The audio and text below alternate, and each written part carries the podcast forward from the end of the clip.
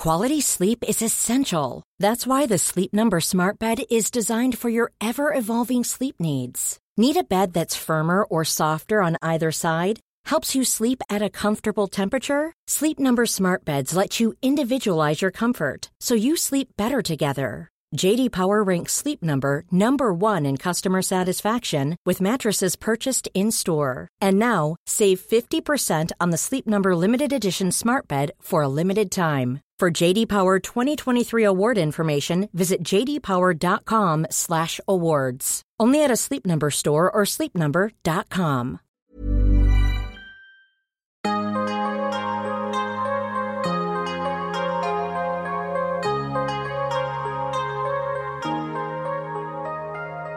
Vores mentale sundhed er nedadgående, og det er til trods for, at vi aldrig har været rigere, aldrig har haft flere muligheder og aldrig har levet længere.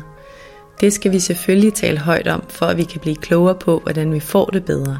Podcasten her handler om, hvordan vi lykkes med at blive glædest og friest muligt i det ene, ofte ret travle liv, vi har. Og den handler om, hvordan vi kan være både ambitiøse og selvomsorgsfulde på samme tid. Jeg taler med eksperter og privatpersoner om alt det, der fylder inden i os – min erfaring er, at når vi taler højt om de ting, så opdager vi, at der er mange andre, der bøvler med de samme ting.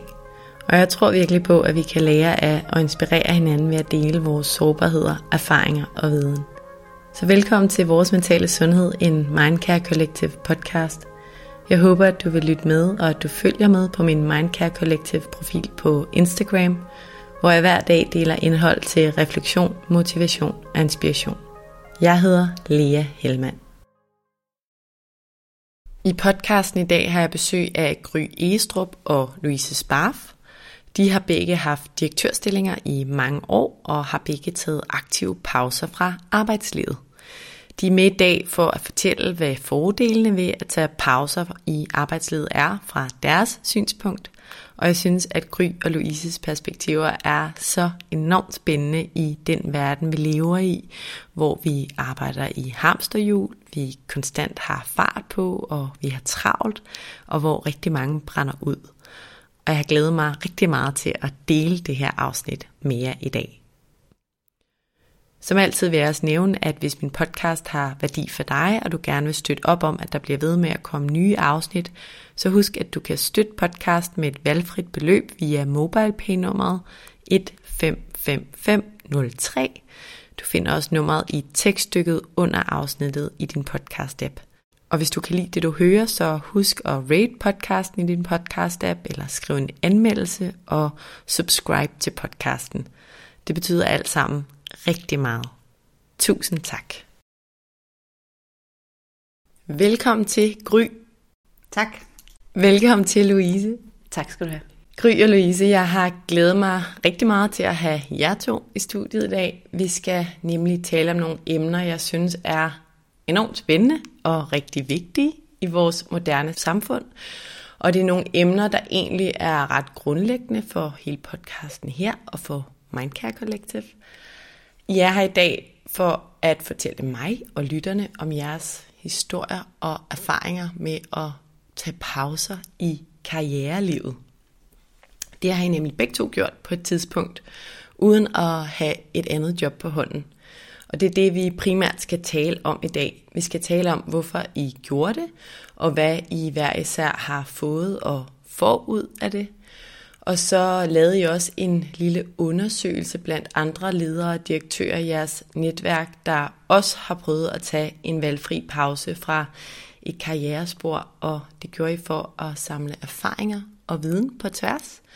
Og I skal også fortælle om i dag, hvad I fandt ud af fra det lille studie.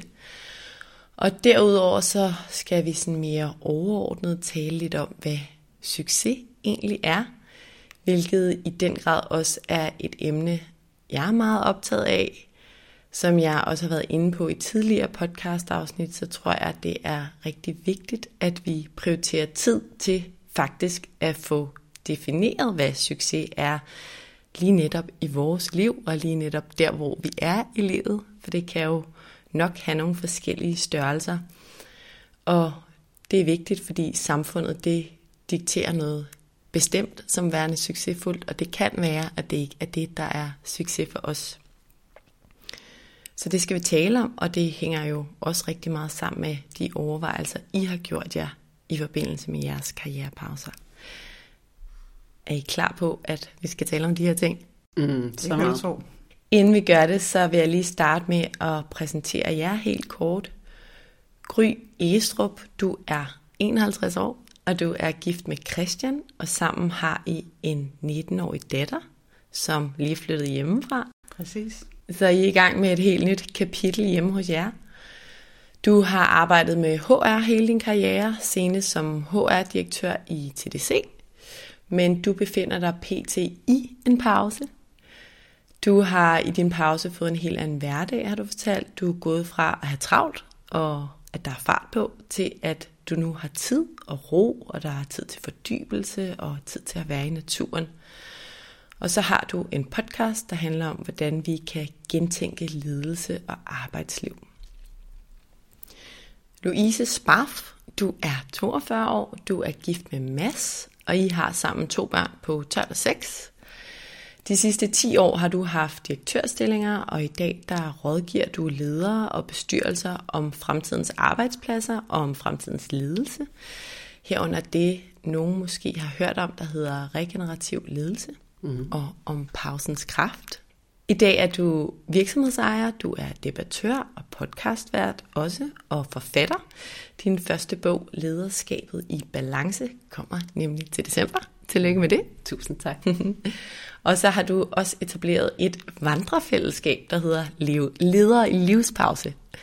Det, det lyder virkelig dejligt. Det er meget, meget dejligt og givende. Lad os uh, kaste os ud i det, Gry og Louise.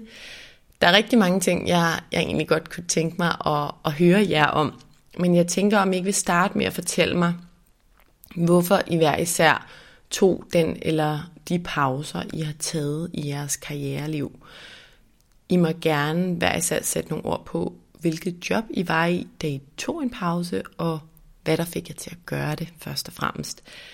Gry, lad os starte med dig. Jo, tak. Det vil jeg prøve at sætte nogle ord på. Ja.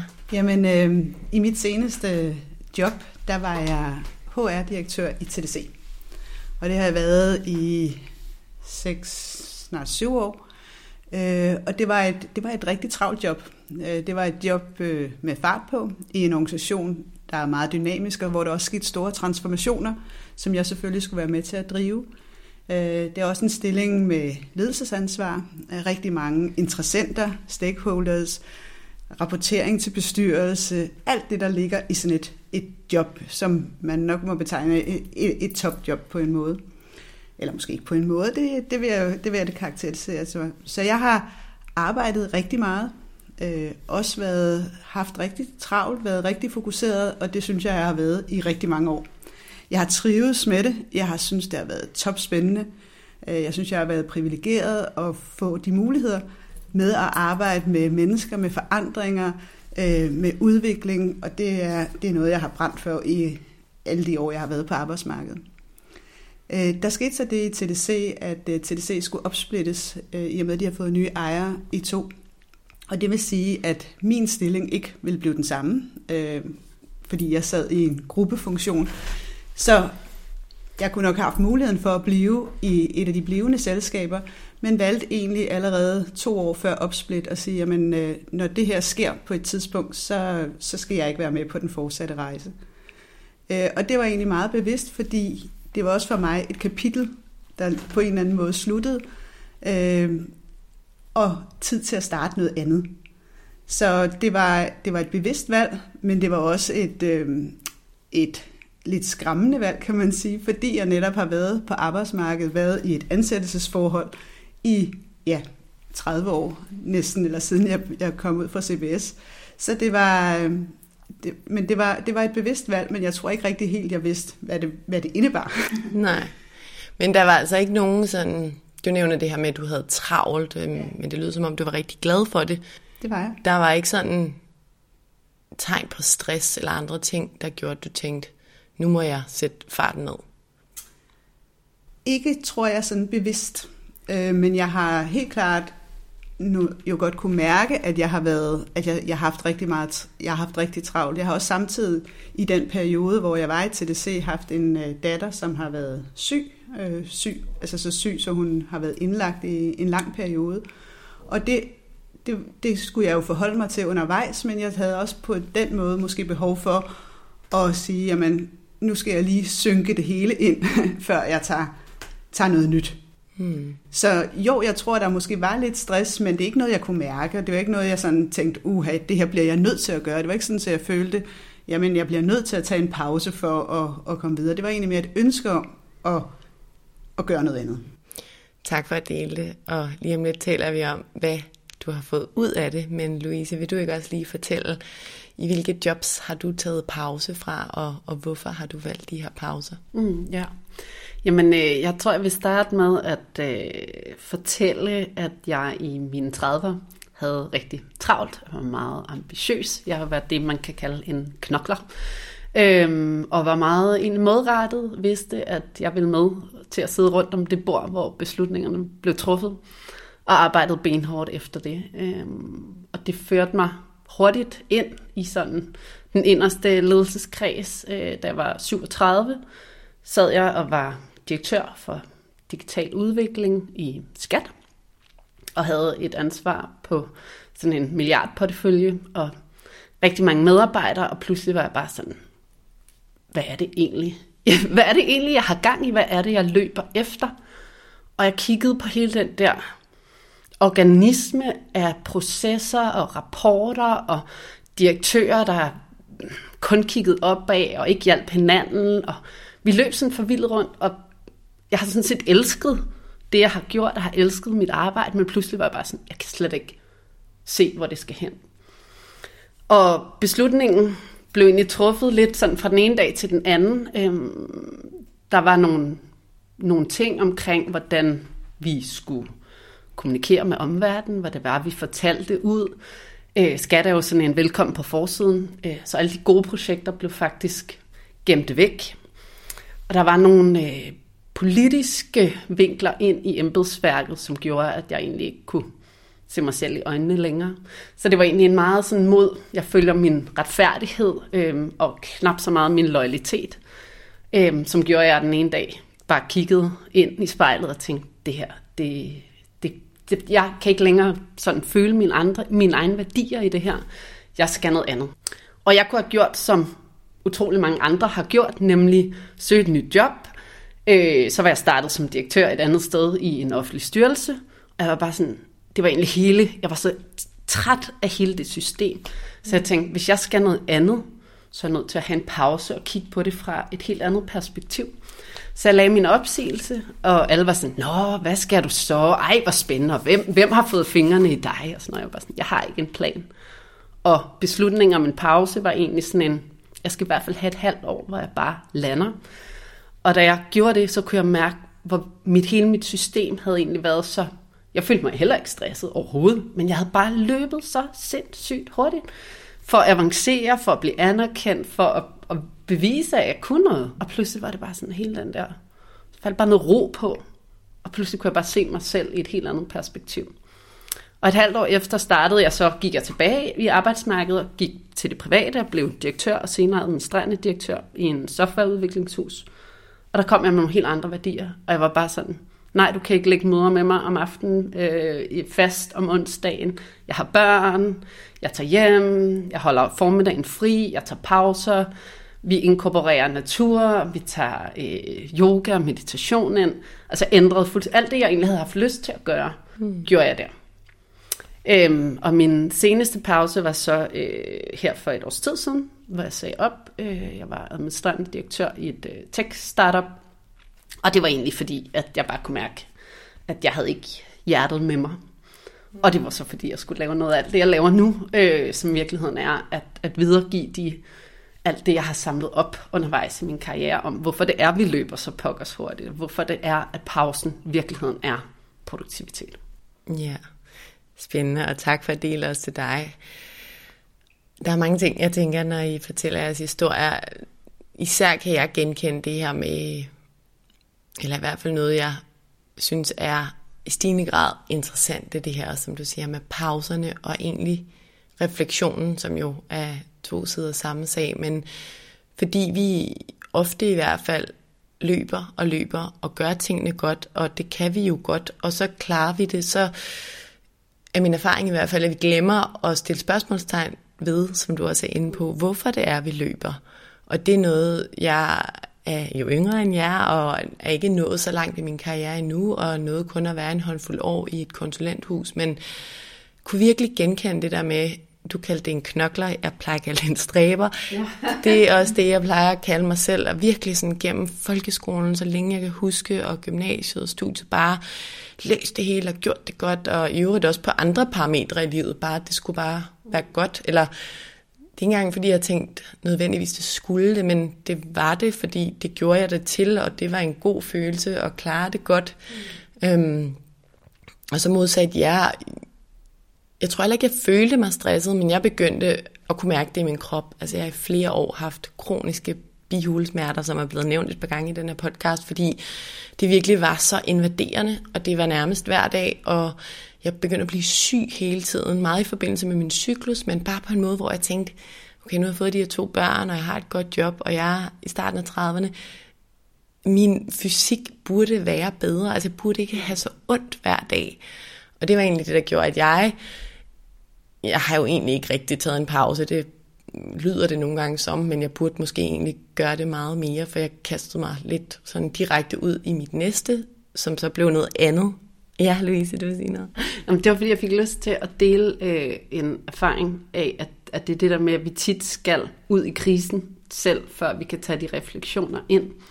Og jeg tror, da jeg startede på arbejdsmarkedet, der havde jeg faktisk været nede, fordi jeg i min studietid havde øh, både kunne, skulle lave en øh, fuldtids øh, speciale og øh, undervise, og øh, var egentlig startet på arbejde for tid, for der var sådan rift om, om medarbejderne også dengang.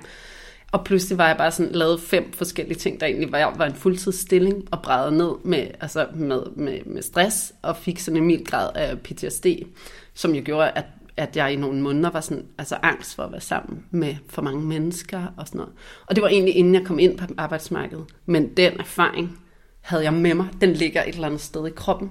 Så jeg tror, jeg kunne nivellere mit stress ud for det. Men problemet er jo, at vi forebygger ikke. Det er først, når vi selv har stået i krisen, ikke? At, at vi kan tage nogle af de her mm. beslutninger. Og det er det, jeg også synes, vi ser meget derude, også når folk taler højt på, på LinkedIn og bringer ting på bordet, at de tit rammer bunden mm. på en eller anden måde, og det kan også være dødsfald eller andre ja. ting, altså det virkelig gør, at vi stopper op og reflekterer. Mm. Og jeg synes, vi skal arbejde hen imod, at, som du også siger, at vi er mere proaktive i forhold til, hvordan vi passer på os selv. Ja. I har begge taget nogle læringer med fra jeres pauser, som I selv mener er værdifulde. Vil I ikke fortælle lidt om de her læringer? Hvad er det, som I særligt har taget med, og som I husker på, og, og også gerne vil give videre? Gry. Jamen, jeg kommer til at tænke på også noget, som, som Louise er inde på, det her med at have en plan. Jeg tror, noget af det første, som jeg bemærkede, øh, da jeg stoppede, det var netop, at folk havde en forventning om, at når man var sådan en som mig, som har kørt karriere, avanceret, haft øh, store stillinger, så har man helt sikkert en plan. Så jeg kan huske den sidste dag, da jeg stoppede øh, på mit arbejde og holdt sådan en afskedsreception, så kom der nogen op til mig fra mit eget team, som sagde, Nå Gry, nu kan du godt fortælle det. Hvad skal du? Og så sagde jeg, jamen det er altså fuldstændig korrekt, som jeg har sagt hele tiden, at jeg har ikke en plan. For det, der var netop planen for mig, var ikke at have en plan. Fordi, og det har måske også noget med noget erfaring at gøre, at jeg havde også lyttet rigtig meget til dem i min omgangskreds, der har prøvet noget af lignende, som sagde, at det er vigtigt, at man ikke bare kører maks ud af også i pausen, men at man giver sig selv tid og lov. Og det har jeg egentlig lyttet til og tænkt, okay, det vil jeg prøve. Men det var faktisk, altså jeg følte, at jeg skulle forsvare mig øh, og forklare mig over for altså både organisationen, men også netværket i hele tiden. Hvad skal mm. du? Altså, hvad er planen? Øh, så det var den første sådan læring, at det faktisk er svært at stå i, uden at skulle hele tiden fortælle, hvorfor man gør det her. Ja, det kan jeg virkelig godt genkende. Ja. Altså, det, ja. Lige et spørgsmål til det, inden vi går videre til flere læringer. Jeg tænker, mm, I har nogle flere år på banen, end jeg har. Tror I ikke, det er nemmere, når man har ligesom vist sit værd? når man er blevet direktør, at tage den pause, fordi man ligesom har den credibility, at når du har jo klaret det godt, så nu er du fortjent til det. Det, jo, og jeg tror i hvert fald i forhold til en selv og ens mm. egen opfattelse, tror jeg, det er nemmere, fordi jeg kan da i hvert fald mærke, når jeg har bevist, at det her, det kan jeg godt. Jeg har ikke noget på den måde, jeg skal bevise. Hvis jeg skal ud og lave noget, så skal det være noget, jeg virkelig synes er sjovt og trives. Det er ikke for, mm. og det kan jeg da mærke, at nogle af de jobs, jeg har taget, det var for, og så nu skal jeg fandme vise, at det her, det kan jeg godt. Mm. Så det tror jeg, du har fuldstændig ret i, at der kan være noget omkring alder, og hvor legitimt det er at tage en pause. Så ja, det, det... Helt klart, at der er noget i, at vi jo har bevist vores værd, men, men, men det, der også ligger i pausen, er jo en mulighed for på en eller anden måde at tage din egen identitet frem. Sådan så at, fordi jeg var Louise direktør, så det var altid direktør, der kom før mig. Øhm, og det har jeg øh, eksperimenteret rigtig meget med, hvorfor vi er så interesseret i, Øh, der var jo ligegyldigt, hvilken type direktør jeg var. Det var folk ligeglade med. Det, jeg var direktør, det var flot. Så kom, kom titlen ligesom før mig. Og det blev egentlig enormt provokeret af, at vi er at vi slet ikke ser mennesker. Vi er slet ikke interesseret i at finde ud af, hvad er der inde? Hvem er Gry? Hvem er Louise? Øhm, så pausen er faktisk også sådan en mulighed for at lægge den der identitet derover og så bare være dig. Og det er virkelig, det er sårbart, og det bringer masser af tvivl, og skam, og frustration, og alt muligt, fordi vi simpelthen ikke har et samfund. Fordi vi er jo blevet pacet fra. Øh, allerede nu, når du skal i gymnasiet, så skal du vide, hvad vil du være på den anden side. Du må ikke holde sabbat over, du må ikke noget. Vi tager pauserne ud af alting for at blive noget, eller her er en titel, og her er en virksomhed, ikke? som du bærer. Ja. Ej, jeg synes, det er så interessant det der, og det her med, at når vi møder folk også i middagsselskaber, så er det jo, hvad laver du, og ikke, ja. hvem er du? Ja. Og mm, vi talte lidt om det, inden vi tændte mikrofonerne her, men jeg var managementkonsulent, og det på papiret var allerede sådan et tickmark, men jeg kan jo godt se nu, at der er en masse, der stiger i graderne derinde, hvor jeg var, og for mig, der jo ikke var noget længere end som så i den branche, der skal jeg bruge enormt mange mentale ressourcer på at godt gøre for mig selv, at jeg gør det, jeg gør nu, som ikke engang er en pause. Altså jeg arbejder fuldtid, men som er noget andet, end det, der måske objektivt var forventet af mig. Altså det kræver rigtig meget. Og det er jeg sådan lidt overrasket over, at de bliver ved med at gøre. Ja, ja. Mm, der, altså, så, så du er din egen indre fjende, måske, mm. eller du, jeg tror du også, du sagde, du, du er din egen chef, som også sådan hele tiden skal sætte krav og forventninger, og lever jeg nu op til det, til mine egne ambitioner omkring, hvad det er at have succes, eller være den, jeg er. Lige præcis. det er, det er super svært. Ja, og jeg har brugt meget tid på at prøve at dykke ind i, sådan, hvem er Lea, og sådan læne mig lidt ind i min intuition og min kreativitet, mm. som jeg bare har lagt på hylden i det der stræberliv. Og det kan jeg faktisk også genkende, fordi jeg har jo altså, prioriteret at arbejde rigtig meget, og det har jeg gjort i rigtig mange år. Det gør også, at jeg har jo ikke sådan en hobby, for eksempel. altså jeg har arbejdet, øh, været sammen med min familie, fået det til at løbe rundt, øh, dyrket noget motion, så jeg kunne holde mig i gang, men jeg har jo ikke mm. kastet mig over og øh, kunne lave, kunne strikke, eller kunne male, eller så jeg bliver enormt fascineret af folk, der har en hobby nu. Mm, ja. lige pludselig går det op for mig. Oh, Gry, hvem er du, hvis du ikke er øh, direktørgry eller øh, arbejdsgry? Hvad er det egentlig, jeg kan, ud over at arbejde? Kan, ja. kan jeg noget? Sådan, og spørgsmålet er, når vi forlader det her liv, hvad er det så, vi egentlig gerne vil have kunnet? Det kan sagtens være, at den der direktørstilling er en del af det, sagtens, og måske for mange, men der er nok også en stor chance for, at meget af det, vi, når vi kigger tilbage på et eller andet tidspunkt på vej ud af det her liv, også gerne vil have lært nogle kreative ting, eller rejst, eller nu siger jeg bare et eller andet, ikke? men hvad er det ligesom, vi går glip af, når vi ligger så meget i det, som samfundet siger, vi skal gøre? Fordi der er ikke, altså jeg det er ikke en shaming af det at arbejde, eller det at være direktør, for der kan være ekstremt meget mening, og du kan gøre rigtig meget godt. Det, der i virkeligheden er hele pointen her, det er, at hvordan lærer du dig selv at balancere ind og ud af det, mm. fordi pausen giver dig den evne til at mærke ind. Fordi det, rigtig mange af os har overlevet. Det mere, handler mere om at overleve end at leve. Vi har simpelthen ikke kunne mærke vores krop, vi har, og dermed kan du ikke mærke dine behov, du kan ikke vide, hvad vil jeg egentlig gerne lave, har jeg noget kreativt i mig, som aldrig har fået plads? Mm-hmm. Altså, så det er sådan en, hvordan kan vi på en eller anden måde stykke nogle arbejdsliv sammen, som gør, at vi både kan producere og skabe noget og være kreative, som også har den der anden side af, at der er tid til stillhed og eftertanke og refleksion. Det vil være fedt, hvis vi kunne nå derhen. Det vil være toplækkert, og det, det er jo også en af de andre læringer, jeg har haft. Øh, det er, at når man er i det, øh, så bilder man sig selv ind, jamen jeg er super reflektiv, og jeg tænker over det, jeg er meget bevidst omkring min egen ledelsesstil og, og alle mulige ting. Øh, men jeg, det jeg har bemærket, det er, at det var faktisk først, eller det første her i pausen, jeg for mm. alvor har haft tid, eller mulighed, eller rum til at, at virkelig reflektere over for eksempel min ledelsesstil. Øh, og gjort mig nogle overvejelser, det popper op, for eksempel når jeg går ud i naturen. Gud, da jeg gjorde sådan over for teamet, det var måske ikke den smarteste måde. Måske skulle jeg hellere have gjort så næste gang, hvis jeg kommer i en lignende situation, så tror jeg faktisk, at jeg vil prøve det her, i stedet for at gøre sådan, som jeg gjorde. Og det, havde, det kan jeg mærke, at det havde jeg ikke, altså jeg troede, jeg havde det, men det kan jeg mærke nu, at det, den, den refleksion, altså på, på det niveau, som jeg kan have den nu, den havde jeg ikke dengang. Og prøv at tænk på, hvis du havde været på en arbejdsplads, der havde lagt det ind mm. i kalenderen og givet dig den mulighed, hvor meget du egentlig kunne være vokset i, i, i den rolle. Det tror jeg. Ja. Og det kræver bare virkelig meget netop også virksomheder, og ikke bare en person, ens leder måske, der siger, at det skal du gøre, men det er jo sådan en fælles forståelse af, at det er okay, for ellers er mit indtryk i hvert fald, at det er så svært at prioritere den der tid til de ting. Vi har jo, altså det er jo kontraintuitivt for os. Vi forstår jo ikke, at pauser kan give alt det her, der gør, at vi kan skabe mere kvalitet og gøre tingene bedre på kortere tid, fordi vi rent faktisk ikke har en overbelastet hjerne, vi rent faktisk er kommet ned i vores krop. Så i sådan dansk, vesteuropæisk kontekst, så ser vi jo pause som være dogenskab. Dogenskab er en dødssynd. Ikke? Eller så det er vi ineffektivitet. Det ja, ja, det er stillstand, det er, altså sådan, vi har så mange negationer forbundet op med pausen. Og, og, og det ligger jo helt i vores samfund, ikke sådan en protestantiske tankegang om, at dogen, det må du i hvert fald ikke være. Så hvis du holder dig i gang, så beviser du dit værd. Så, så derfor ligger det, det er så svært i os at inkorporere den der pause ind i vores arbejdsliv.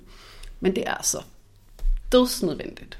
Ja, og der er jo flere og flere studier, der viser, at vores hjerne og krop slet ikke er skabt til den her hastighed. Altså vi brænder ud, det er jo derfor, vi gør det, ikke? Ja. Men selvfølgelig er den ikke det, fordi vi er natur. Mennesker er natur. Så det der med, at vi er bokset ind i, øh, i et arbejdsliv, ind i sådan nogle, øh, hvad hedder, sådan nogle betonbygninger. Øh, en gennemsnitsdansker bruger 90% af sin dag, altså sådan en 24, hen over 24 timer, indenfor. Vi er slet ikke forbundet med naturen. Altså vi har ikke, så, så krop og hjerne, de bare, de, de tænker sådan, vi fatter ikke, hvad der foregår.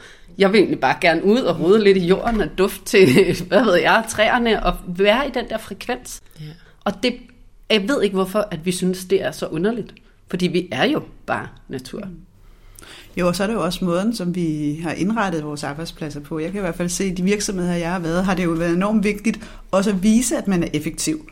Så det kan jo godt være, at man måske har haft tidspunkter, hvor man ikke lige har haft øh, noget at lave, eller øh, haft brug for en pause, men folk sidder jo og taster i de der tastaturer lige meget hvad. Altså, der er jo ikke nogen, der bare sætter sig og kigger ud af vinduet. Øh, og folk går til frokost og tager en tallerken med op på kontoret, mm, hvis de kan komme. så mange gange. Ja, jeg også selv. øh, fordi at, uh, der er så meget, man uh, lige skal nå, og ja. de har så travlt. Og man viser også med den øh, adfærd, at man er vigtig, og at man har travlt, og at man, at man er effektiv. Ja. Og jeg tror, at, at alle, der har prøvet at få børn, ved, at man kan nå rigtig meget fra, fra 9 til 4, hvis man øh, skal prioritere at hente nogle børn. Og samtidig så jeg havde Pernille Appelgaard i studiet også, der arbejder med at implementere fire dages arbejdsuge, som jo også, altså der er jo flere og flere studier, der viser, at man kan nå det samme på fire dage som fem. Så vi skal ture og vise, at når vi har, altså ikke har noget at lave, eller lige har brug for en pause, vi godt kan, kan tage den. Ikke? Louise, vil du ikke også fortælle om nogle af de erfaringer, du har, du har taget med dig? Oh, det var fordi, nu sagde du lige fire dages arbejdsuge. Så jeg er nødt til at sige, at for mig, så skal vi passe på, at det ikke bliver i effektivitetens navn. Fordi jeg kunne meget hellere tænke mig, at vi havde et arbejdsliv, hvor at det var okay at arbejde seks dage om ugen, måske tre timer om dagen.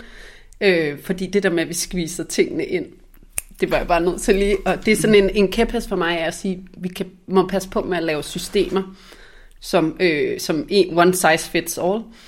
Øh, vi er nødt til at tænke lidt mere på, hvor er jeg henne? Hvad er det for et livsstadie, der er i, hvis jeg er med børn? Altså, giver det så mening, at jeg squeezer alting ind på fire dage? Måske giver det mening, at vi breder tingene lidt ud og, og begynder at se det som en mere sådan livsbalance, mere holistisk syn. Hun arbejder også med timeantal og ikke dage. Så. Men det var den der, nogle gange så må man godt falde ned i den der fire dages arbejdsuge. Øh, jamen altså, det, for mig har jeg lært at trække vejret og tage tempoet ud og tage noget mere langsomhed ind, som virkelig har været noget, der har været rigtig svært for mig. Fordi jeg virkelig er født med sådan nogle stramt snøret løbesko på og bare derudad. Øh, og på mange måder er det mit primære drive. Øh, men jeg ved, at min balance er, at jeg er nødt til at have noget, noget ro på. Jeg er nødt til at have noget langsomhed ind i mit liv. Hvordan har du kunne mærke, at det var en god ting for dig? Helt grundlæggende kan jeg bare mærke i mit system, at jeg er mere connected. Øh, at jeg har mere ro, jeg har mere overskud. Vores morgener er jo helt anderledes. Når jeg skulle ud af døren, vi skulle alle sammen være klar kl. 8, og madpakker, og børnene ud, og der blev altid lige, man blev lige råbt lidt, og tag nu de sko på, og vi har travlt, og sådan noget. Så tænkte jeg bare, tænk hvad det er, vi sender vores børn videre med. Det er jo stress i systemet allerede, inden de kommer ind. Og sådan, hvor, hvor fedt er det, dine forældre har så travlt, at der ikke er tid. Så den pause og den evne, og det var sådan set allerede, mens jeg, jo, det var fra min første pause, så det har også været, mens jeg har været direktør, administrerende direktør, at jeg har taget rolige morgener. Så har jeg sagt, Nå, okay, måske kommer jeg først ind 9, halv 10, fordi jeg skal have det her til at fungere. Og jeg har taget fuldstændig ejerskab over min egen kalender, og så ved jeg, at der sidder nogen derude og siger, men jeg sidder jo bare et eller andet sted i den der fødekæde. Hvordan kan jeg gøre det? Og der er det bare, du er nødt til at have en leder, der hjælper dig med det. Og det er lederens aller fornemmeste opgave, er at gå forrest og bringe det her med ind. Det er lederskabet. Ikke at styre og kontrollere og, altså og, og øh, kunne alle svarene og, og være den store, robuste held. Lederskabet handler sådan set om at gå forrest og vise noget af det her. Så for mig så kom den, det jeg lærte i min første pause, var at, at jeg har brug for, at når jeg kunne mærke det hele, ligesom, så kunne jeg sætte mig ind et eller andet sted og lave fem minutters vejrtrækninger, og, og sige sådan, hvad er det, og hvad er det værste, der kan ske? Og ja, nogle gange fejler vi, og det er heller ikke så slemt. Altså, der kom en anden sårbarhed over mig, som jeg tog med på arbejdspladsen. Jeg har virkelig også begyndt at, eller jeg er virkelig også begyndt at praktisere det med vejrtrækning. Jeg synes, det er sjovt, det der med, at vi gør det alle sammen, hele tiden, og vi kan ikke finde ud af at trække vejret ned i maven. Og nu nævnte jeg de der bihule smerter før. Mm, 6-7 år har det gjort rigtig ondt, nærmest hver dag. Og når jeg var syg, var det bare endnu værre. Ikke? Og efter jeg kastede mod i Mindcare Collective, hvor jeg har stadigvæk, mm, bruger jeg ordet travlt, jeg har stadig meget at se til at pæse også mig selv lidt. Men jeg husker at trække vejret, jeg laver nogle mini-meditationer, egentlig ikke særlig meget. Jeg, har, jeg kan nærmest ikke mærke smerterne mere. Det er der sådan, jeg kan mærke, okay, de lever bihulerne, men altså, det kan slet ikke sammenlignes. Det er altså en vild, en vild finding. Mm. Og prøv at høre, det er, altså, der er så meget videnskab, der understøtter, hvor vildt et værktøj det er. Og det er gratis, og det er lige her. Og tænk, hvis vi uddannede vores medarbejdere i at trække vejret. Tænk, hvis vi lærte det allerede fra folkeskolen. Det er sådan en... Men jeg, jeg ser det tit, jeg har ledere, der kommer, og jeg kan høre, altså vejrtrækningen sidder helt heroppe i brystet. Så det går sådan hurtigt, tuk, tuk, tuk, fordi det er en del af sådan, hvad sker der, når vi lige tager det ned? Og der, altså, der, der er ingen grænser for, hvad det ikke kan hjælpe med. Altså i forhold til sygdom og øh, nærvær. Og ja. det, der er interessant, ja. som du også siger, Lea, det er jo egentlig, hvor lidt der skal til. Altså vi lavede også nogle forsøg øh, i TDC, og det var der heldigvis øh, kæmpe åbenhed omkring, øh, med at starte øh, noget det var, ikke, det var vel en form for mindfulness, men hvor man starter møder med lige at lukke øjnene og være fokuseret. Præcis. Øh, I stedet for, for det var jo meget back-to-back møder, ikke? hvor man haster fra det ene møde til mm. det andet møde. Og der er jo også forskning, der viser, at du er ikke mentalt til stede før måske 10 minutter i kvarter inden, fordi du skal mm. lige aflære det andet. Men ved at bare bruge to minutter Ja. på lige at trække vejret dybt ned og være til stede, så kan du faktisk være til stede med det samme. Øh, plus, at der, det bliver bare mere roligt, øh, det bliver mere fokuseret, der bliver bare en mere afslappet stemning. Så det prøvede vi, og det, altså, det var i hvert fald en aha-oplevelse for mig, hvor meget både jeg kunne selv kunne mærke det, men også hvordan jeg kunne se det på, på, på teamet. Mm. Det er også blevet en, øh, en delmission for mig og Mindcare Collective, det der med at afmystificere meditation. Fordi grundlæggende handler det om vejrtrækning, om fokus og at slippe fortid og fremtid. Mm. Og være opmærksom på det, der er. Og der er stadig mange, der er sådan, uh, meditation, og nej, og nogle røgelsespinde, og jeg skal sidde i lotusstilling, mm. og vi, vi kan rigtig meget med det. Quality sleep is essential. That's why the Sleep Number Smart Bed is designed for your ever evolving sleep needs. Need a bed that's firmer or softer on either side? Helps you sleep at a comfortable temperature? Sleep Number Smart Beds let you individualize your comfort so you sleep better together. JD Power ranks Sleep Number number 1 in customer satisfaction with mattresses purchased in-store. And now, save 50% on the Sleep Number limited edition Smart Bed for a limited time. For JD Power 2023 award information, visit jdpower.com/awards. Only at a Sleep Number store or sleepnumber.com. Hiring for your small business? If you're not looking for professionals on LinkedIn, you're looking in the wrong place. That's like looking for your car keys in a fish tank. LinkedIn helps you hire professionals you can't find anywhere else, even those who aren't actively searching for a new job but might be open to the perfect role. In a given month, over 70% of LinkedIn users don't even visit other leading job sites. So start looking in the right place. With LinkedIn, you can hire professionals like a professional. Post your free job on linkedin.com slash people today.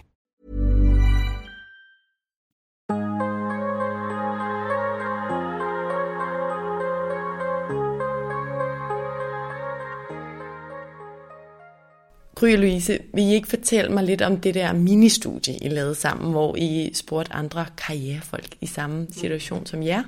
De havde også taget nogle pauser, og I spurgte dem om, hvad de havde lært. Hvad var øh, hovedkonklusionerne for det her studie? Måske skulle vi starte med at fortælle, hvorfor vi gjorde det. Ja. Vi var, øh, altså Louise og jeg, og så en tredje, Maria, øh, som mødtes. Vi havde alle sammen en eller anden form for en pause, og øh, så kunne vi bare mærke, at vi havde, nogle, vi havde lidt de samme erfaringer, eller oplevede lidt de samme ting. Og så blev vi lidt nysgerrige på, jamen, nej, først så undrede vi os over, at tit dem, der udtaler sig, det er tit kvinder. Ja. Men vi kendte jo også rigtig mange mænd, der var i pause. Øh, Så vi var både nysgerrige på, hvad, hvad mener mændene, men også i det hele taget, er der sådan en, kan man sige noget generelt om det, og så for at få fokus på det. Altså få fokus på at måske få tabu, altså afmystificeret eller aftabuiseret det her med at holde pause, når man er leder, men i det hele taget. Mm. Fordi, som Louise også sagde, jamen, hvis der er nogen, der skal gå foran, så er det jo lederne. Så hvis vi på en eller anden måde kunne få det budskab ud om, jamen det gør noget rigtig godt for lederne, eller hvad gør det, øh, så kunne vi måske også få noget debat omkring dem. Så det var egentlig derfor, at vi ragt ud til, jeg vil primært vores netværk, ja. øh, 15 ledere.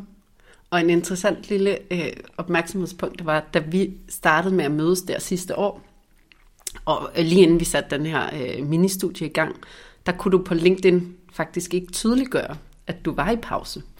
Fordi det er, karriere er jo, du har en titel, og du er i, i en virksomhed. Så det var faktisk ikke muligt at skrive, så derfor skrev folk sådan nogle mærkelige ting inde i deres øh, LinkedIn øh, øh, sådan, øh, statusopdateringer.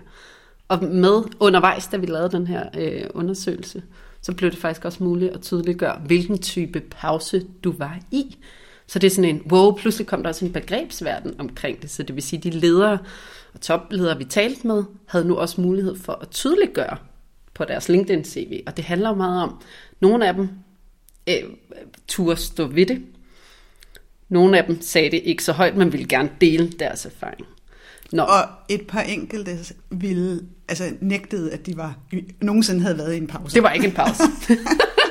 det grinede vi meget af. Ja. men, men sådan grundkonklusionen var, jeg er blevet et bedre menneske. Jeg er blevet en bedre leder. Af at tage den tid. Og det er jo bare, altså så behøver man egentlig ikke mere. Og der er kommet altså de vildeste øh, fortællinger. Ja, altså rigtig mange øh, beskrev jo, at det her med at være et hamsterhjul, øh, og hele tiden stræbe efter mere øh, anerkendelse, titler, prestige. Det var det, der har drevet dem. Og det tror jeg, det er rigtig meget det, der driver mange ledere, og også og det vi kunne genkende for os selv. Det vi også ja. genkende for os selv. Øh, og mange havde så i den her pause gjort nogle erkendelser eller nogle erfaringer omkring, det er faktisk ikke det, jeg ønsker at blive drevet af.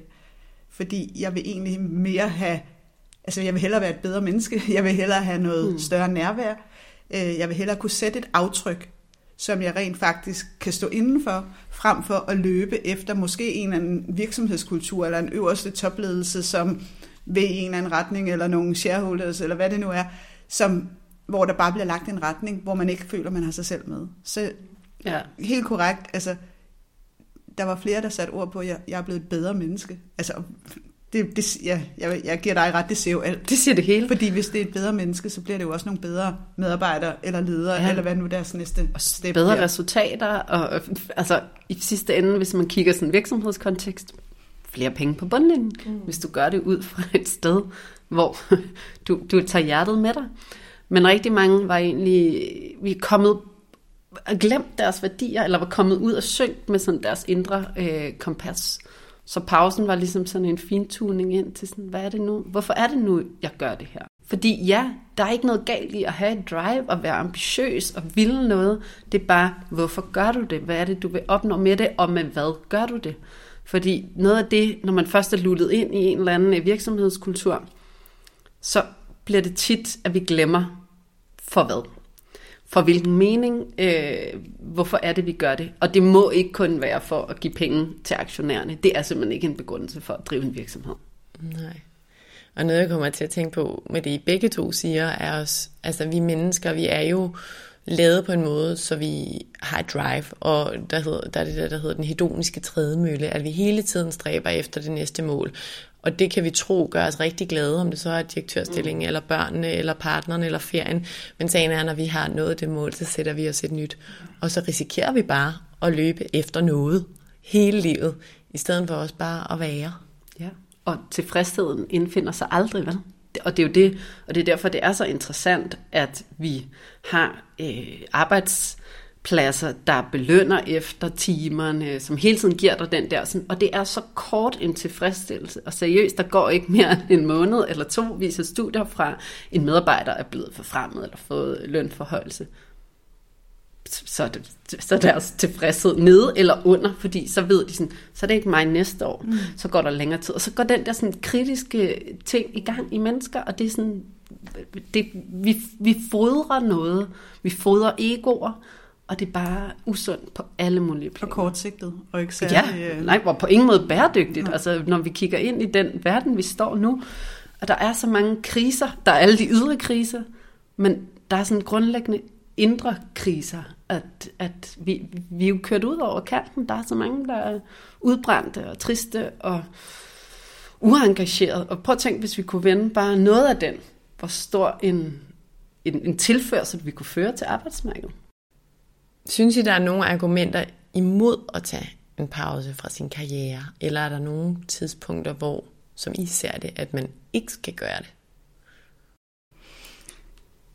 Nej, jeg tror, det er, det er meget individuelt, hvornår man har, har brug for det. Jeg tror, jeg tror også meget på, altså lige nu kan det godt være enten eller. Enten arbejder man altså max, øh, på max fart, og så tager man en pause.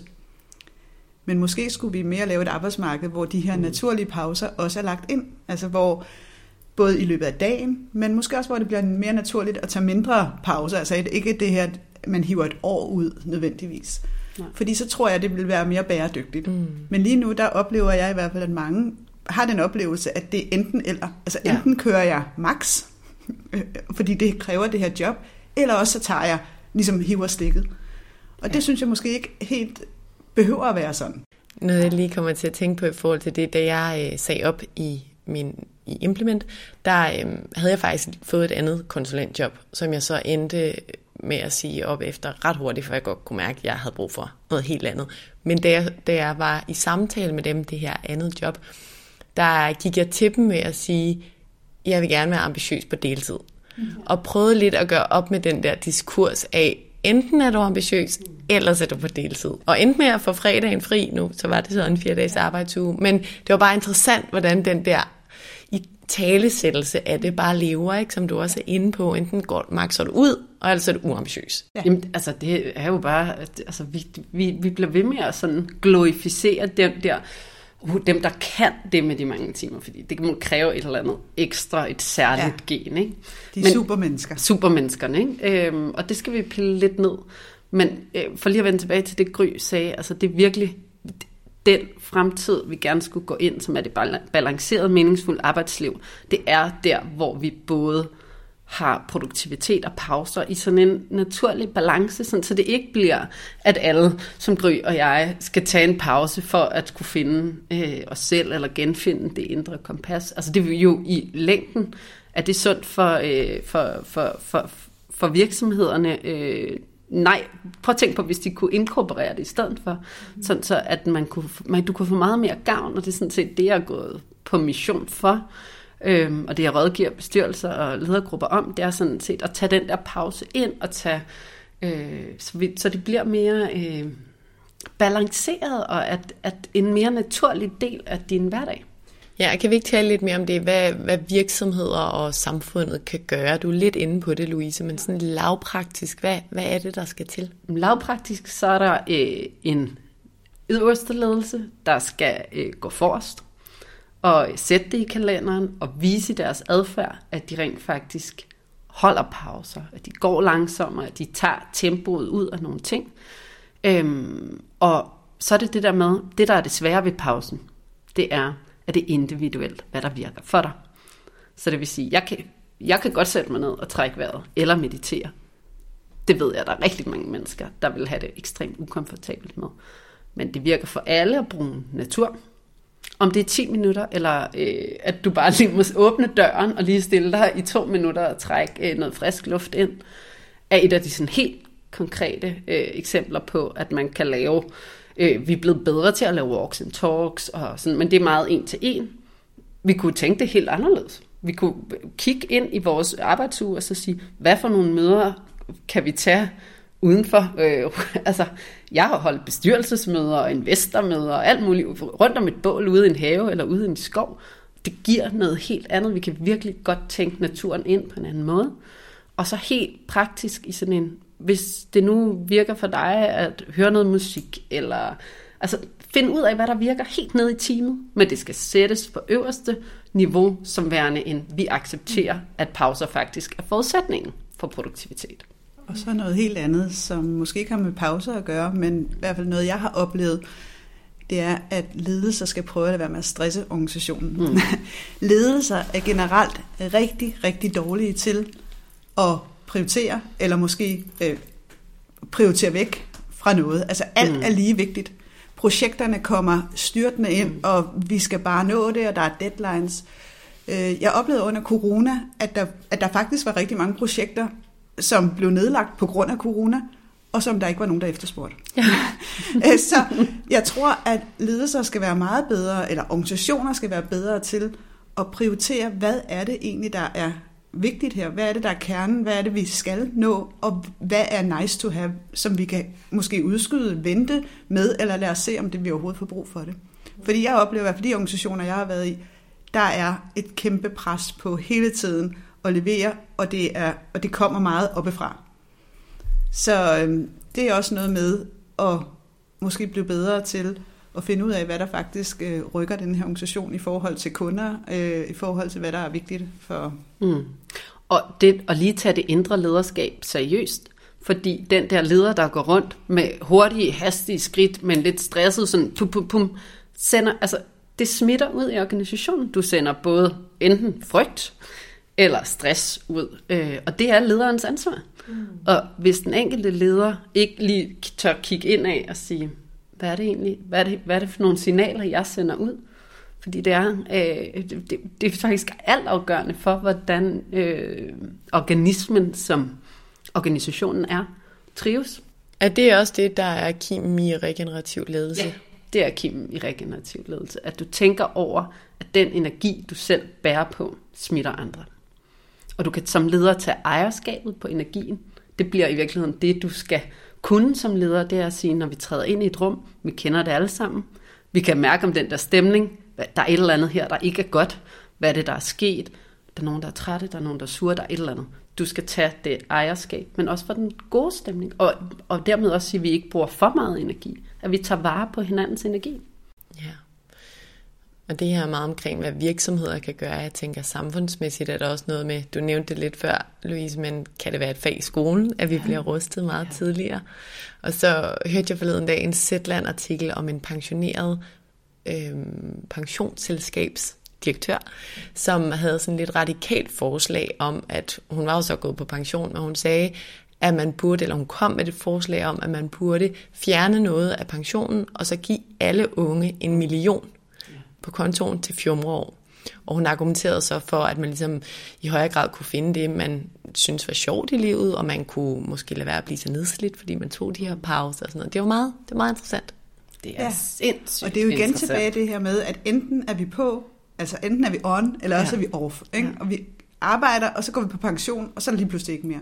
Ja. Og det er jo egentlig en alder, hvor fordi vi bliver ældre og lever længere, eller ja, vi lever længere og bedre, og bedre fysik og så videre, øhm, så er de fleste, der går på pension, eller rigtig mange, der går på pension, de er jo stadigvæk øh, i fuld vi gør. Jeg kan se på mine ja, egne forældre. Så har de 25 er, år, som ja. er sådan, men lad os da bruge dem, uden at det bedre, ja. og sige, at man kan tække ind og ud af, af, af Og så noget, jeg lige stussede over, som du sagde, som altså fjumreår. Ja. Det kan jeg også huske, det blev kaldt, da jeg, da jeg gik ud af gymnasiet, man tage et fjumreår, og der var jo også den her fremdriftsreform, hvor man skulle virkelig, altså man skulle i hvert fald helst kun tage et, fordi ellers så Hvem gik det ud over. Ja, hvorfor ikke kalde det øh, et dannelsesår, eller ja. modningsår, eller, ja. fordi det her med læring. fjumre, ja, læring, det var det, hun kaldte det i artiklen. Ja. Men det er lidt Men, synd, fordi det afskrækker nogen ja, fra hvem vil fjumre rundt ja. i for lang tid? Så er du jo netop useriøs og uambitiøs ja. og doven måske også. Ja. Så det her med at kalde det fjumre, altså, ja. og det hænger ved. Øh, jeg synes, synes egentlig, at sabbatåret ja. er et meget godt udtryk for, at man på en eller anden måde, og jeg synes, det er den største katastrofe, at vi har fjernet øh, lysten til, eller accepten til de unge mennesker til at tage sabbatår. At det der med, at du skal gå direkte, og så får du ekstra bonus, hvis du øh, går direkte fra gymnasiet på universitetet. Sådan. For hvis skyld. Så du kan stå på arbejdsmarkedet, arbejdsmarkedet, når du er 23, og så fortsætte hele den der stræben. Og, altså nej, Altså flere, det, er jo, det er jo manglen på arbejdskraft, men jeg tror bare ikke, vi får nogen god arbejdskraft ud af vi det. Vi får ikke nogen god arbejdskraft, og det ender med, at de jo står 10 år senere og har ikke, altså er nødt til at tage pause for at kigge på det hele og få, finde sig selv igen. Så hvis vi nu lagde sabbat over ind til alle øh, undervejs, altså du både havde et i 20'erne, 30'erne, 40'erne og 50'erne, du kunne bruge af, betalt, men sådan, så vi kunne arbejde til vi var 75. Det ville være genialt. Ja. Da jeg var på CBS, der var jeg sådan en, der var en rigtig skolepige. Ikke? Og der var nogle af mine venner, der talte om at tage det her år mellem bacheloren og kandidaten. Og det var meget grænseoverskridende for mig. Og det var kun fordi, de ligesom fik ideen, at jeg tænkte, Nå jamen, så kunne jeg arbejde lidt og tage lidt øh, et, et internship i udlandet, så det var arbejde, men tag det her år, der ikke var skole. Og jeg endte så med at gøre det, på trods af, at de endte med ikke at gøre det. Jeg var sådan helt, åh oh, nej, hvad er det, jeg får mig til? Fordi det pludselig kunne, kunne de komme ind på et eller andet studie, og sådan, men jeg gjorde det. Og altså set tilbage, det har jo givet mig så meget. Bare det der ene år, hvor jeg endda arbejdede og kom ud i verden og var i New York på et internship. Altså, det var også derfor, jeg skiftede retning fra mediebranchen til konsulentbranchen det, det gav bare rigtig mange både oplevelser og, og refleksioner, selvom jeg ikke havde regnet med, at jeg skulle gøre det. Nej, og det er jo bestemt ikke at fjumre. Det er jo, Nej, det er jo læring. Altså, ja. ja. Jeg tænker, at vi lige skal tale om det her succesbegreb, som jeg nævnte tidligere. Det synes jeg er rigtig spændende. Jeg har i lang tid været styret både bevidst og ubevidst af, hvad der er omverdenen og min tætte omgangskreds og mig selv blev defineret som succes. Og den hang og hænger til dels i høj grad sammen med stillingsbetegnelser og løn, som jeg også tror, mange kender fra samfundet. Jeg synes alligevel, jeg er blevet meget mere optaget af, hvad vi individuelt med fordel bør gøre for at ja, definere succes i vores eget liv og som jeg også nævnte i indledningen, definere succes for den specifikke periode af vores liv. Fordi det kan jo godt være, at succes i starten af 30'erne med, med små børn i høj grad handler om at være en nærværende mor. Måske på en anden måde, end det gør, når børnene er blevet større og kan klare sig selv, og i øvrigt hele tiden vil være sammen med deres venner. Hvis vi skal være oprigtig glade i livet, og også på lang sigt, så, så tror jeg i hvert fald, at der er noget med, at vi skal forsøge at lukke samfundets meninger og sammenligninger ude, når vi definerer det her med, hvad succes er for os selv, også selvom det er virkelig svært. Og jeg vil gerne høre, hvad jeres definition er på succes, men inden da vil jeg lige læse et citat op fra artiklen med jer, hvor der bliver skrevet, det er næsten skamfuldt ikke at have et job, og succes er defineret som vertikal bevægelse. Men så mange finder ud af, at vertikal bevægelse ikke det samme som job tilfredsstillelse, og man er tit ubevidst styret af andres definition af succes. Og det synes jeg nok ikke så overraskende er et ret fint citat, og med det udgangspunkt vil vi lige sådan uddybe, hvad er succes for jer? Succes for mig er din evne til at være i livet. Altså livsnydelse. Øhm, og så kan det være med arbejde, eller dine projekter, eller din familie, eller hvor du nu end bevæger dig hen. Men hvis du evner at nyde livet undervejs, så er der ingen større succes. Mm. Gry? Jamen, det tror jeg, jeg vil give dig meget ret i, men jeg kan da se, hvis jeg kigger tilbage, så har succes for mig i hvert fald også i arbejdslivet meget værre været at have nogle spændende stillinger og have noget indflydelse. Mm. Øhm, kunne gøre en forskel. For mig har det handlet ikke nødvendigvis om at blive leder, men at kunne lave sådan et, et impact. Altså, synes man bidrog med noget, hvor man kunne mærke, at det her, det, det gav mening. Øh, og det kan godt være, at det, der gav mening for mig, ikke vil give mening for Louise, men for mig har det meget været det, at der var noget meningsfyldt. Øhm, og det tror jeg, at det er op til den enkelte at finde ud af, hvad det meningsfulde er.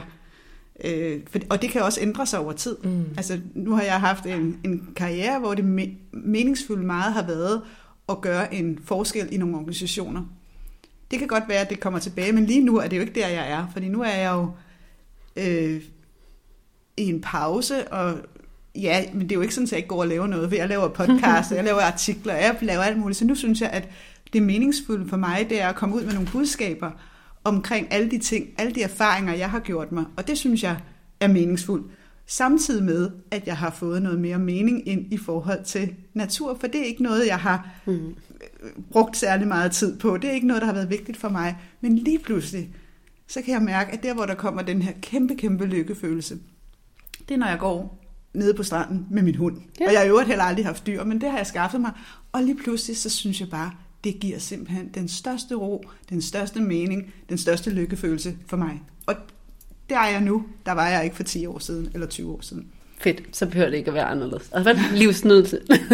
Men jeg vil gerne lige knytte en kommentar til det med magt og indflydelse, fordi det er et ret interessant fænomen, som jo uløseligt hænger sammen med vores definition af succes. Og vi skal ikke være så bange for magt og indflydelse. Øh, det er sådan set det, der har drevet mig. Man kan komme på afveje med sin magt, øh, men magt er faktisk, øh, det er, der er altid magt til stede. Og vi skal egentlig tage den frem og, og sige, hvordan bruger jeg den positivt? Den magt, jeg har fået givet, som nu bliver vi i ledelses, øh, det er jo det, Gry jeg kommer med. Øh, men hvordan benytter jeg den magt? Hvordan bruger jeg den? Hvordan tager jeg...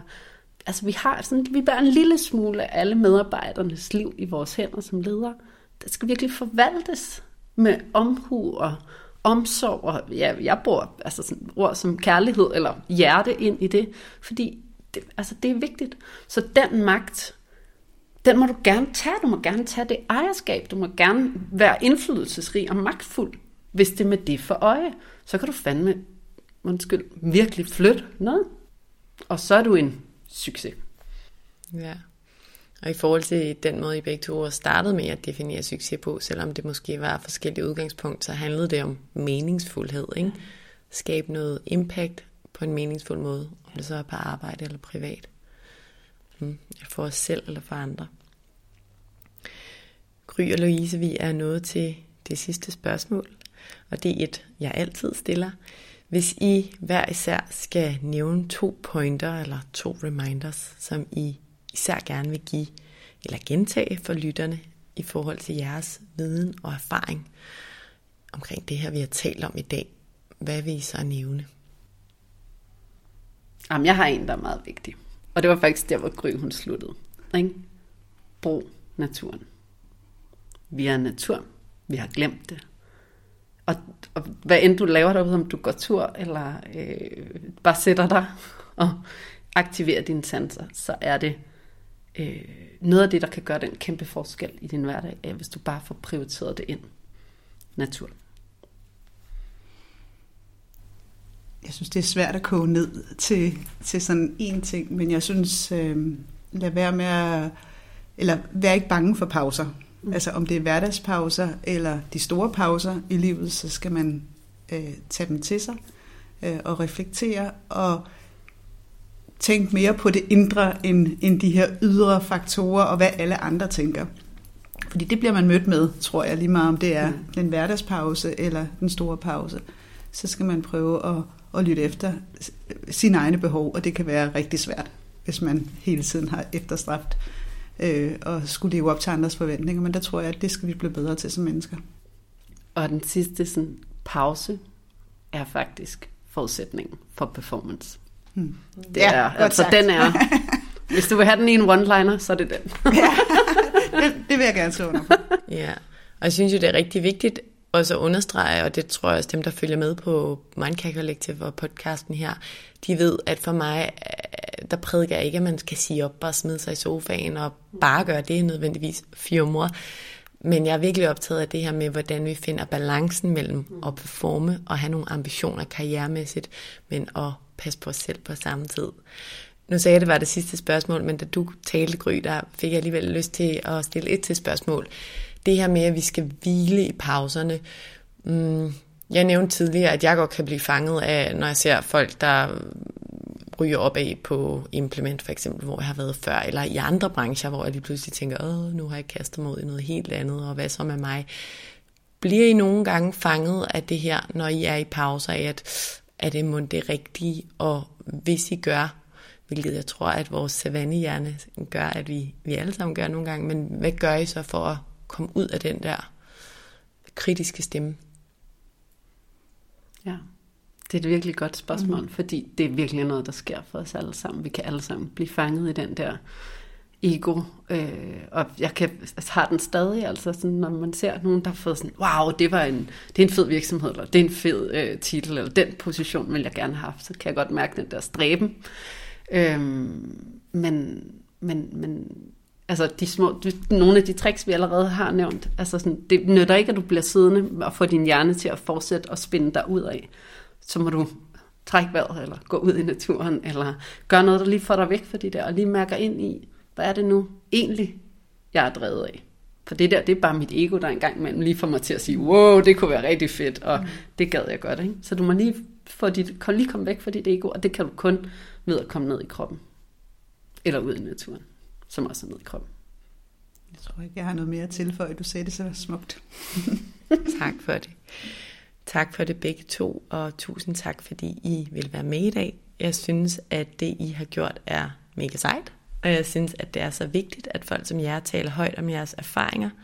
Så tak for at være her i dag, og tak for at være med til at belyse en af Mindcare Collectives og mine primære fokusområder, som, ja, som jeg lige nævnte netop, er det der med, hvordan vi lykkes med at være professionelt ambitiøse og passe på os selv i vores eget liv på samme tid. Tak fordi I var her. Mm, velbekomme, det var dejligt at være med. Bestemt.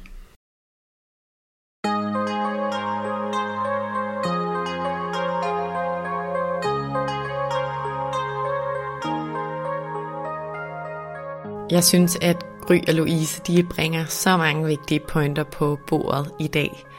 Som I kan høre, så er det, vi især kan tage med, at vi virkelig bør huske, hvad pauser, vejrtrækning og naturen kan gøre ved os. Og vi skal huske at prioritere de elementer, både i vores private liv, men også i vores arbejdsliv. Selvom det sidste nævnte selvfølgelig også afhænger af ledere og den arbejdskultur, vi er i. Og husk, som jeg også nævnte i afsnittet, at vores hjerne er indrettet på en måde, der gør, at når vi når et mål, så laver vi bare det næste mål. Så når vi opnår det, vi løber efter, så finder vi altså bare noget nyt at løbe imod. Og det synes jeg virkelig, vi skal huske, så vi ikke ender med at løbe hele livet. Fordi livet, det er lige nu. Det er ikke i går, det er ikke i morgen, og det er ikke om et år. Det er lige nu. Så husk at nyde det. Og så vil jeg også gerne opfordre dig til, at du spørger dig selv, om du lever et liv, hvor du rent faktisk er i stand til at følge efter i dig selv. Og jeg synes, som jeg har sagt før, at du skal prøve at spørge dig selv, hvad et meningsfuldt liv er for dig, og hvad succes er for dig i dit liv, der hvor du er i dag. Og en øvelse, jeg lige vil nævne her til sidst, det er, at du kan skrive et brev til dig selv som 90-årig. Det lyder måske lidt fjollet, men det er det faktisk ikke. Du skal skrive til dig selv, som om du hypotetisk er 90 år, og så skal du skrive i brevet, hvad du er stolt af og lykkelig for, at du har opnået i livet. Og så kan du se bagefter, om det du skriver i brevet rimer på det, du rent faktisk løber efter i din hverdag, og om det rimer med det, du bekymrer dig om i din hverdag. Det er ifølge min erfaring en ret fin øvelse. Og som altid kommer der lige en lille note om næste uges afsnit. Der har jeg besøg af seksolog og forfatter Jørgen Ørting, og vi taler om, hvorfor det må er så svært at tale højt om seksuelle behov, om drifter og erotik, og vi taler om, hvorfor det måske er vigtigt, at vi bliver meget bedre til at tale højere om det. Det kan du høre meget mere om i næste uges afsnit med Johan Ørting. Tusind tak, fordi du lyttede med i dag. Hvis du kunne lide det, du hørte, så håber jeg, at du vil rate og anmelde podcasten, og at du vil trykke på subscribe-knappen, så du altid ved, hvornår der kommer et nyt afsnit. Det betyder helt enormt meget. Du er som nævnt selvfølgelig også meget velkommen til at støtte podcasten her med et valgfrit beløb, hvis du kan lide, hvad du hører, og gerne vil have, at der bliver ved med at komme nye afsnit. Det kan du gøre via MobilePay-nummeret 155503, som du også finder i tekststykket under afsnittet i din podcast-app. Som det aller sidste vil jeg også opfordre dig til at skrive til mig, hvis du har noget på hjerte, eller hvis der er nogle særlige emner, du rigtig gerne vil høre om i relation til mental sundhed og i forhold til, hvordan vi bliver friest, sundest og gladest muligt i det liv, vi har. Skriv til mig via min Instagram-profil Mindcare Collective, hvor jeg i øvrigt håber, at du følger med, eller skriv til mig via min hjemmeside mindcarecollective.com. Tak fordi du lyttede med.